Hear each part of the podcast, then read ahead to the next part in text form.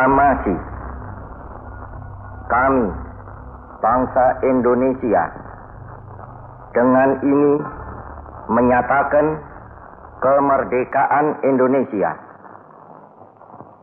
Hal-hal yang mengenai pemindahan kekuasaan dan lain-lain diselenggarakan dengan cara saksama dan dalam tempo yang sesingkat-singkatnya.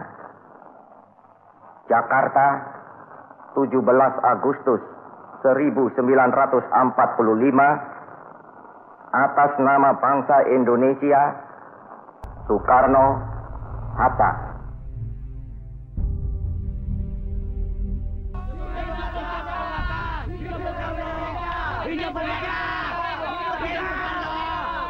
Proklamasi 17 Agustus 1945 baru sekitar satu bulan dikumandangkan Dwi Tunggal Soekarno-Hatta.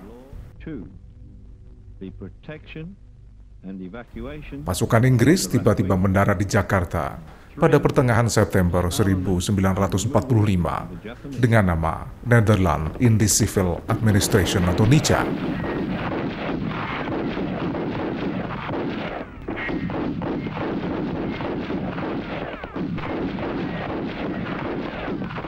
Pergerakan pasukan Inggris tak bisa dibendung. Di saat pemerintah Indonesia yang berpusat di Jakarta ingin berbagai penyelesaian diplomatik sambil menata birokrasi negara baru, pasukan Inggris telah menduduki Medan, Padang, Palembang, Bandung, dan Semarang dengan pertempuran.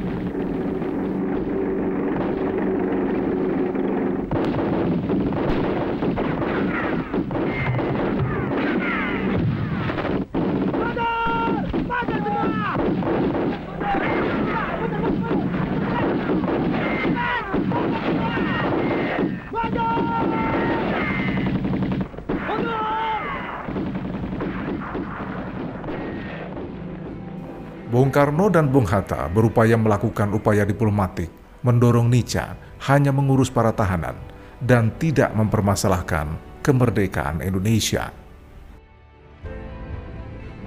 Namun upaya itu tak membuahkan hasil.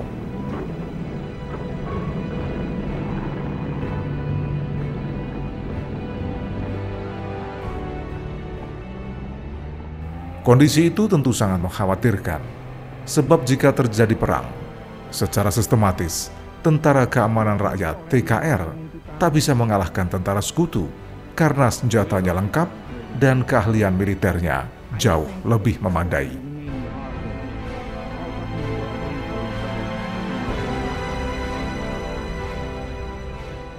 Atas saran Jenderal Sudirman, Bung Karno diminta mengirim utusan khusus kepada Kiai Hazim Azari di Pondok Pesantren Tebu Ireng Jombang. Tujuannya untuk meminta fatwa tentang hukum berjihad membela negara. Kiai Hasim lalu memanggil Kiai Wahab Asbullah dari Tambak Beras, yang kemudian diminta mengumpulkan para ketua Nahdlatul Ulama sejawa Madura untuk membahas persoalan bela negara. Kiai Hasim dan Kiai Wahab juga meminta kiai-kiai utama NU untuk melakukan sholat istikharah.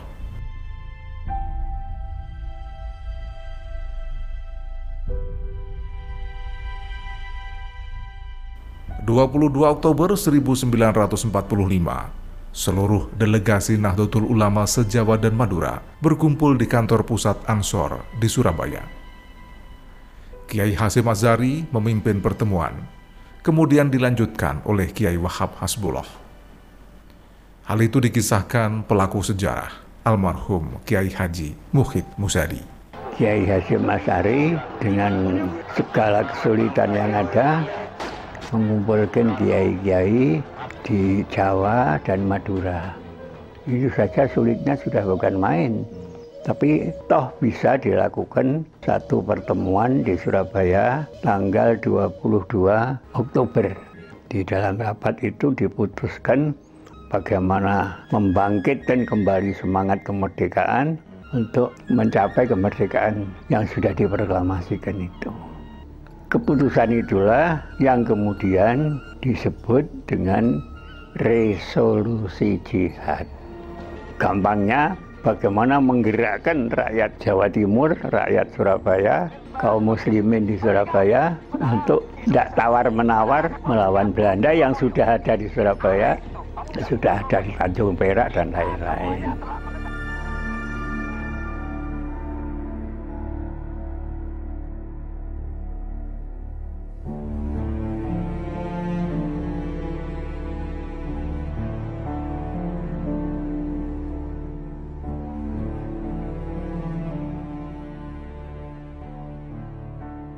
Setelah berdiskusi cukup panjang dan mendengarkan hasil istiqoroh para kiai utama Nahdlatul Ulama, esoknya pertemuan menghasilkan tiga rumusan yang kemudian dikenal dengan Resolusi Jihad Nahdlatul Ulama.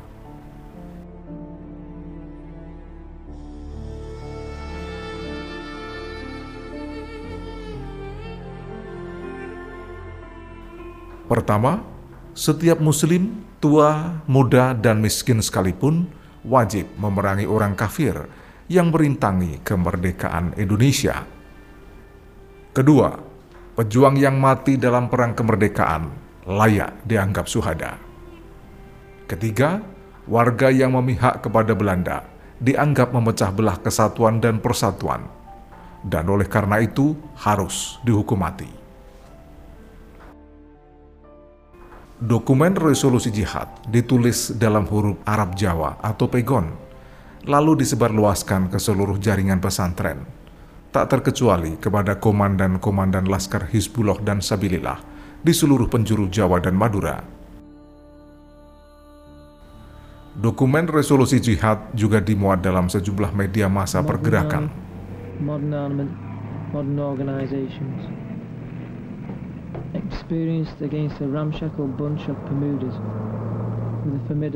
Hanya berselang tiga hari pasca resolusi jihad dicetuskan, 6.000 tentara sekutu mendarat di pelabuhan Tanjung Perak, Surabaya dengan senjata lengkap.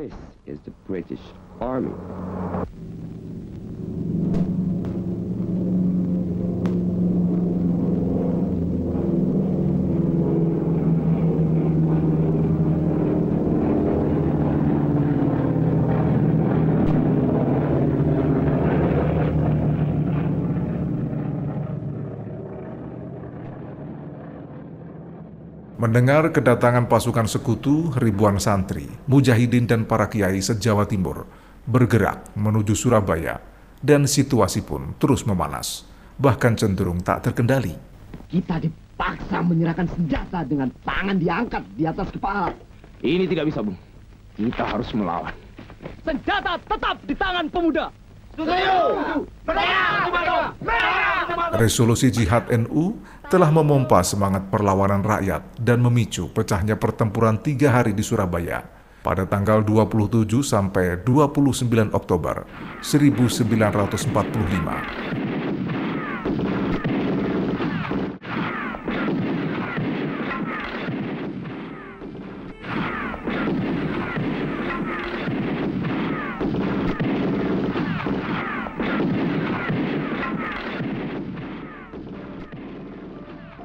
Tentara Inggris kewalahan menghadapi perlawanan rakyat Jawa Timur. Inggris lalu mendatangkan Presiden Soekarno ke Surabaya untuk diajak berunding dan melakukan gencatan senjata. Ojo ngawur, ojo nembak. Nek presiden temenan, dadi apa kon? Pokoknya nek duduk presiden sing modon, amblas nae ya. Yo, yo, yo, jok susu. Iya, iya. Iya, presiden temen teko. Iya, presiden. Pagi hari tanggal 30 Oktober, gencatan senjata ditandatangani pemerintah Indonesia dan Inggris. Namun pada sore hari terjadi insiden di Jembatan Merah yang menewaskan Jenderal Malabi. Gencatan senjata langsung berakhir.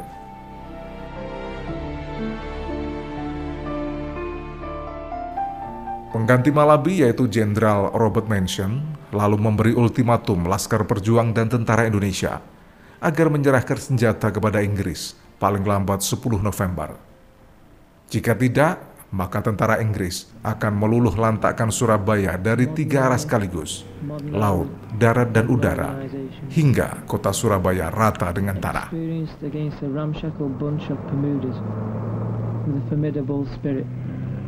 In three days, the most five, we will occupy Surabaya. Permit me to have my doubts. Sure, you're all permitted to have your doubts. Mendengar ancaman itu, para komandan Laskar Hizbullah, Sabilillah, Mujahidin, Tentara Keamanan Rakyat, dan para santri marah besar. Seorang pemuda bernama Sutomo, atau yang lebih akrab dipanggil Bung Tomo, menemui Kiai Hasim dan Kiai Wahab Hasbullah. Ia meminta izin untuk menyebarluaskan resolusi jihad melalui radio. Bismillahirrahmanirrahim. Merdeka! Saudara-saudara, rakyat jelata di seluruh Indonesia, terutama saudara-saudara penduduk kota Surabaya. Kita semuanya telah mengetahui bahwa hari ini tentara Inggris telah menyebarkan pamflet-pamflet yang memberikan suatu ancaman kepada kita semua. Kita diwajibkan untuk dalam waktu yang mereka tentukan menyerahkan senjata-senjata yang telah kita rebut dari tangannya tentara Jepang. Mereka telah minta supaya kita datang pada mereka itu dengan mengangkat tangan. Mereka telah minta supaya kita semua datang pada mereka itu dengan membawa bendera putih, tanda bahwa kita menyerah kepada mereka. Saudara-saudara, di dalam pertempuran-pertempuran yang lampau, kita sekalian telah menunjukkan bahwa rakyat Indonesia di Surabaya, pemuda-pemuda yang berasal dari Maluku, pemuda-pemuda yang berasal dari Sulawesi, pemuda-pemuda yang berasal dari Pulau Bali, pemuda-pemuda yang berasal dari Kalimantan, pemuda-pemuda dari seluruh Sumatera, pemuda Aceh, pemuda Tapanuli, dan seluruh pemuda Indonesia yang ada di Surabaya ini. Di dalam pasukan-pasukan mereka masing-masing, dengan pasukan-pasukan rakyat yang dibentuk di kampung-kampung, telah menunjukkan satu pertahanan yang tidak bisa dijebol. Telah menunjukkan satu kekuatan, sehingga mereka itu terjepit di mana-mana. Hanya karena taktik yang licik daripada mereka itu, saudara-saudara. Dengan mendatangkan presiden dan pemimpin-pemimpin lainnya ke Surabaya ini. Maka kita tunduk untuk memberhentikan pertempuran. Tetapi pada masa itu, mereka telah memperkuat diri. Dan setelah kuat, sekarang inilah keadaannya. Saudara-saudara, kita semuanya, kita bangsa Indonesia yang ada di Surabaya ini, akan menerima tantangan tentara Inggris itu. Dan kalau pimpinan tentara Inggris yang ada di Surabaya ingin mendengarkan jawaban rakyat Indonesia, ingin mendengarkan jawaban seluruh pemuda Indonesia yang ada di Surabaya ini, dengarkanlah ini tentara Inggris. Ini jawaban kita. Ini jawaban rakyat Surabaya. Ini jawaban pemuda Indonesia kepada kau sekalian. Hei, tentara Inggris, kau mengendaki bahwa kita ini akan membawa bendera putih untuk takluk kepadamu. Kau menyuruh kita mengangkat tangan datang kepadamu. Kau menyuruh kita membawa senjata-senjata yang telah kita rampas dari tentara Jepang untuk diserahkan kepadamu. Tuntutan itu, walaupun kita tahu bahwa kau sekalian akan mengancam kita untuk menggempur kita dengan seluruh kekuatan yang ada. Tetapi inilah jawaban kita. Selama banteng-banteng Indonesia masih mempunyai darah merah yang dapat membuat setarik kain putih, merah dan putih, maka selama itu tidak akan kita mau menyerah kepada siapa pun juga. Saudara-saudara rakyat Surabaya, siaplah keadaan genting. Tetapi saya peringatkan sekali lagi, jangan mulai menembak. Baru kalau kita ditembak, maka kita akan ganti menyerang mereka itu. Kita tunjukkan bahwa kita ini adalah benar-benar orang yang ingin merdeka. Dan untuk kita saudara-saudara, lebih baik kita hancur lebur daripada tidak merdeka. Sebelum kita tetap merdeka atau mati. Dan kita yakin saudara-saudara, pada akhirnya pastilah kemenangan akan jatuh ke tangan kita. Sebab Allah selalu berada di pihak yang benar. Percayalah saudara-saudara, Tuhan akan melindungi kita sekalian. Akbar, Allahu Akbar, Allahu Akbar.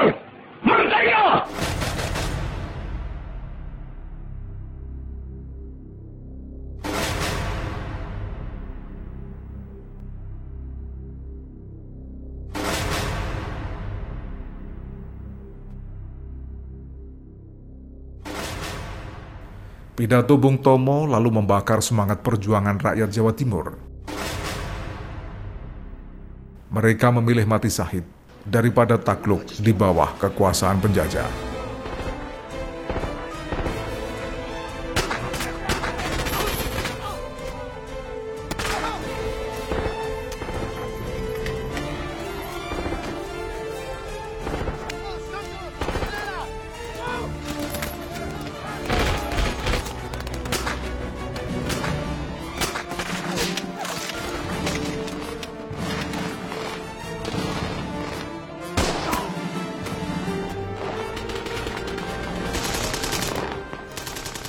Sejumlah pasukan bertempur di beberapa wilayah di Surabaya.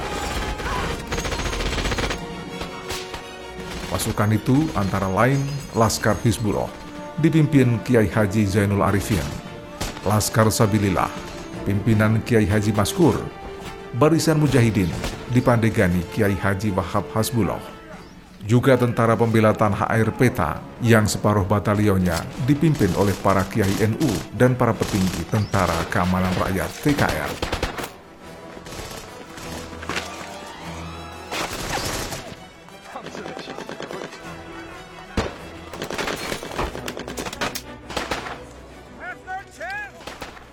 Ultimatum tentara Inggris yang akan menguasai Surabaya dalam waktu tiga hari ternyata tak terbukti.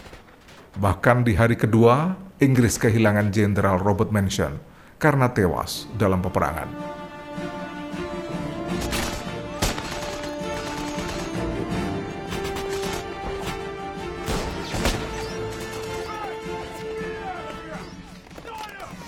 Hanya dalam waktu kurang dari satu bulan, tentara Inggris telah kehilangan dua jenderal terbaiknya, terbunuh di tangan arek-arek Surabaya.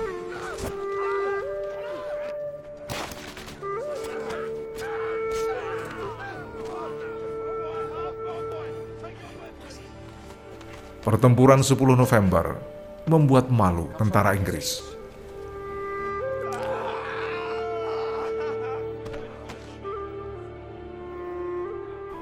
Meski akhirnya berhasil menguasai Surabaya, namun Inggris mendapatkan kerugian besar. Ribuan serdadu terlatih Inggris tewas termasuk 300 serdadu Gurkha Muslim yang didatangkan Inggris dari India dan Pakistan ke Surabaya untuk membantu melawan Indonesia. Namun ternyata mereka membelot dan menyerang balik tentara Inggris setelah mereka tahu yang mereka lawan adalah para santri, kiai, mujahidin dan rakyat muslim Indonesia, saudara seiman mereka sendiri yang sedang berjihad membela tanah air.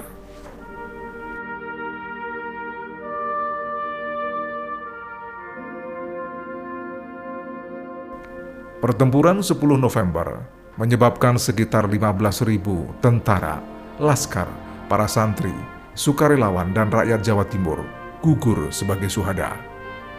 Sedangkan tentara Inggris yang tewas mencapai 600 orang.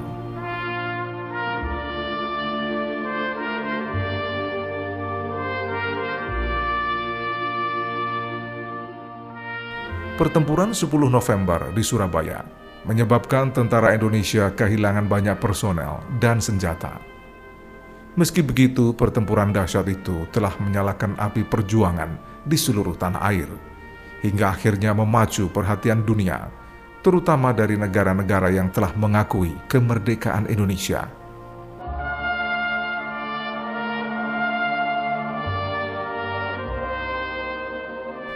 Banyaknya pejuang yang gugur dan rakyat sipil yang menjadi korban pada peperangan 10 November menyebabkan tanggal itu dikenang sebagai Hari Pahlawan.